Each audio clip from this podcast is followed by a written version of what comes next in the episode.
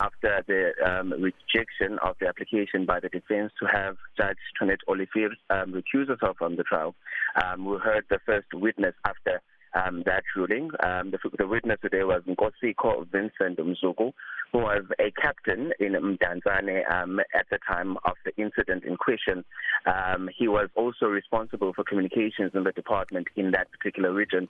And at the time, um, he in fact testified today that uh, at the time of the incident, um, well, on the 1st of uh, August, um, in the year was notified um, by one of the one of the you know heads of, of communications in the SAPS that there was a video of this nature that was circulating on social media. This is the third video of the three videos that were um, you know contested um, you know admissibility of for, for, for, for, for use as, as, as testimony in the court. So this video is said to have been received from social media um, and it's depicting um, in the words of, of, of Mr. Mzuko, it's said to be depicting Julius Malema shooting a firearm up in the sky.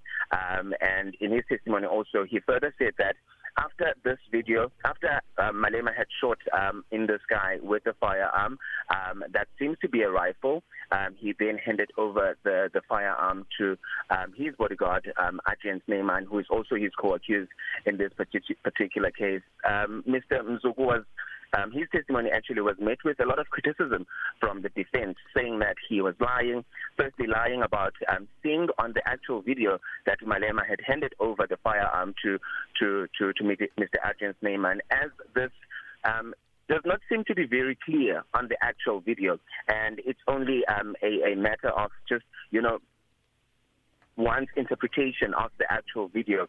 Um, also, it was met with criticism because when he was testifying in the court, he had said that he had only done um, or had only made one statement, which um, was about the incident that had happened and also what steps he had done after having received um, a, a, a notification that he should take into consideration this video and the reports of the media regarding the video that was trending at the time. And it came up in court that he had also done um, two other statements in the court with his signature, um, which revealed many other things, including that of not having known um, of the case um, before um, he got he had heard of you know of, of the actual video from from his um, manager at the time.